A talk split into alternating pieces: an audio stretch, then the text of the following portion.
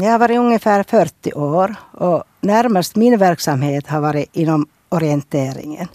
Men förstås att uh, Karisura har haft många olika sorts av sport under, under 110 års tid. Ja, jag har förstått att det har rymts med ganska mycket. Kan du berätta lite, hur fick en Skaris Ura sin start i tiderna? No, då börjades, jag kan läsa här i den historiken. Och då stod det så här att, att den här 6 januari 1908 Pinjaisten työväen yhdistys hade i möte, månadsmöte och då räknar man att man grundade Karian, Karis Pilnes gymnastik och idrottsförening Ura. Då föddes den. Vad var intressant som jag läser här i historiken att det var lite motstånd också. När det gällde i seklets början ansåg man att dessutom att motion som fritidssysselsättning var en herrskapfolkets nyck eventuellt till och med skadligt för en industriarbetare med tio timmars arbetsdag sex dagar i veckan. Man skulle istället vila sina muskler under den korta fritiden och inte belasta dem. Och det verkar ganska intressant nu dagens läge när vi säger att alla ska motionera, alla ska eh, öva sina muskler, alla ska vara aktiva när det gäller att, att röra sig. Mm, men det, så var det inte förr i tiden då när, när man trodde att, att det var bättre att musklerna vilade lite efter ja. att man hade jobbat hårt inom industrin. Ja. Där ser man, vad för alla olika motionsformer har Karis Ura haft under åren då? Idag känner man till föreningen främst då för orientering och schack. No, egentligen det började med gymnastik och det var bara för män. Och nu den här, om vi tänker så här att det blir, blir också, också, det har varit boxning, det har varit friidrott, det har varit åka med skidor, det har varit Uh, det har varit handboll. Det har varit många, många olika sorters aktiviteter under 110 års tiden.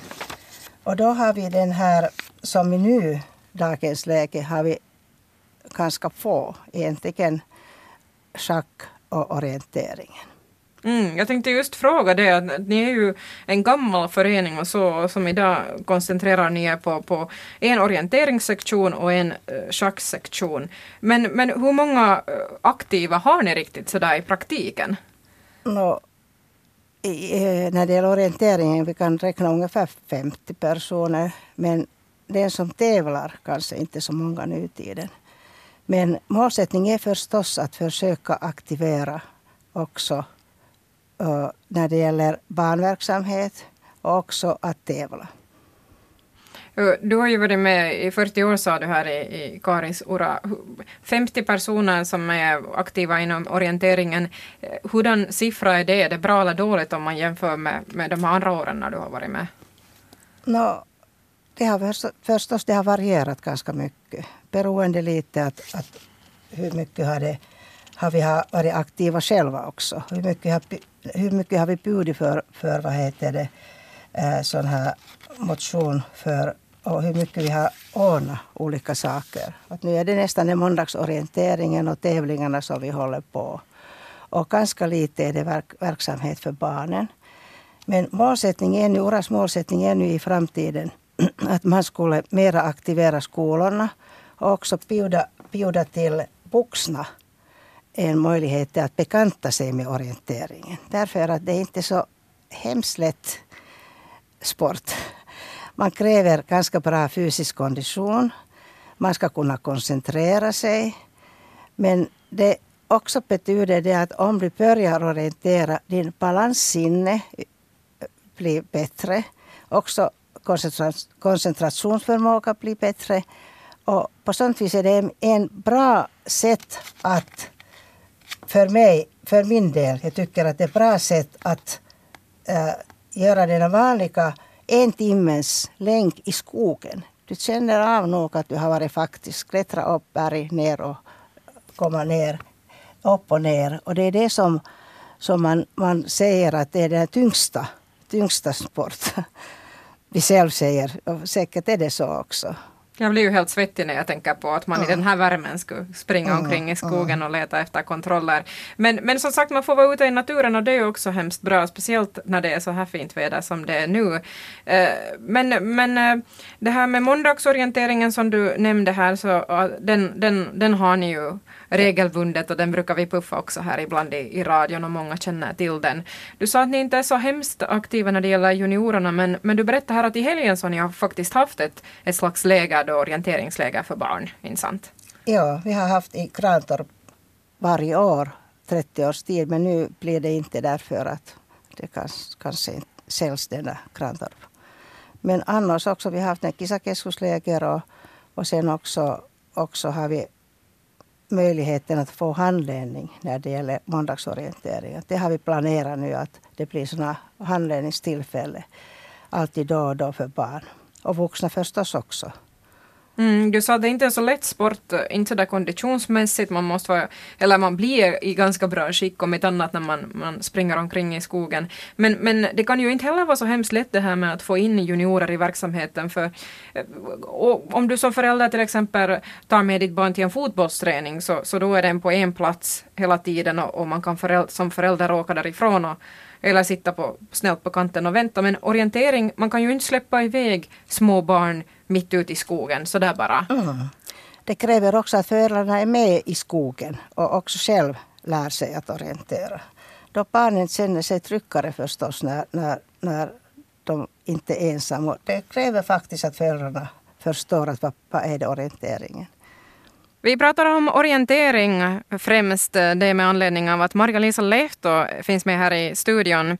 Ordförande för orienteringssektionen inom Karis Ura, en förening som fyller 110 år i år. Och ni sysslar alltså nu för tiden mest med orientering och schack. Eh, och jag vet ju i Raseborg så finns det också en annan orienteringsförening, OK Raseborg.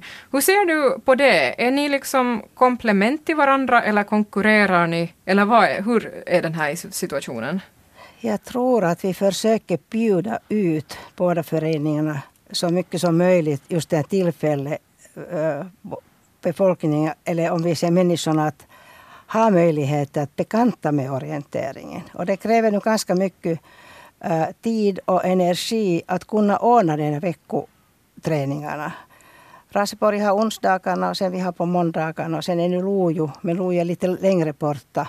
Men jag tror att det är ganska bra kombination därför att du kan välja måndag eller onsdag. Och då om du, om du sen, om man bara orkar, då får man nog med, med sen många, många som vill prova. Och speciellt vuxna har blivit lite mer intresse nu för att gå till skogen och inte i hallan, inne i hallan. det märker man. Men vi har inte någon kon konkurrent i meningen att vi försöker nog kanske mera bara att orka bjuda och prata och, och också reklamera att orientera riktigt upp Toppgrej. Ja. Super. ja, ni har ungefär 50 aktiva orienterare nu och trots att ni är en ganska liten förening så, så ordnar ni också ganska stora tävlingar. Uh, och jag förstår att nu också i, i sommar när ni fyller 110 år så, så, så passar ni på att fira det här jubileet i samband med en av era större tävlingar. Ja, vi har vanligen på sommaren, juni har vi karjarastit och nu är det 30 sjätte och i Snappertuna. Och det har vi den som jubileums tävlingen. Och, och, hur många brukar delta i en sån tävling? Sådär. Ja, vi räknar Man... ungefär 500. Att, beroende lite sen att det kan variera 400 till 600. De här mindre tävlingarna, vi talar om mindre tävlingarna nu. Mm. Sen har vi haft varje femte år har vi ungefär varje femte år har vi haft finska mästerskap och då kan man räkna 1000 till 1500. Hoho, det låter nog som ganska mycket svett och tårar innan man har en sån tävling under kontroll för, för, för er lilla förening i alla fall.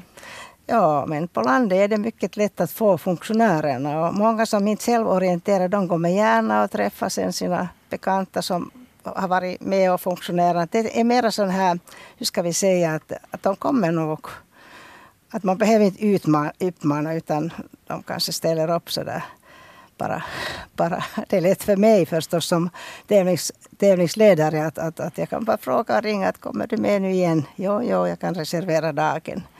Mm, och på så sätt får man också ihop då funktionella så här på, på, på landsbygden. Eh, men det är inte bara 110 år som eh, ni från Karis Ura firar i år. Ni kommer också att uppmärksamma den här internationella orienteringsdagen. Den sker visst i nästa vecka, inte sant? Ja, 23 maj är den här officiellt dagen. Och sen veckan är 23 till 29, en hel vecka. Så man kan, när man organiserar och ordnar någon när det gäller orienteringen, då vad heter det, man ska registrera aktiviteterna. Och då har vi planerat så att vi, vi har skolorna som sen håller på den dagen eller under den veckan. Och till, till exempel, som var mycket roligt, var det Pilnäs daghemmet som har och firar världsorienteringsdagen. Ja, precis. Och på så sätt kanske ni också får mera juniorer intresserade av det här med orientering och får dem med i er verksamhet. Ja, och visa också den här att, att hur man tekniskt gör med den emitkortet. Och det är ganska intressant för barnen. De vill alltid stämpla, och vi talar stämpla, och de har emitkortet i, i, i fingret. Och de springer hur mycket som helst om man bara bjuder ut den där möjligheten. Mm. Till skolorna de springer mycket och väl.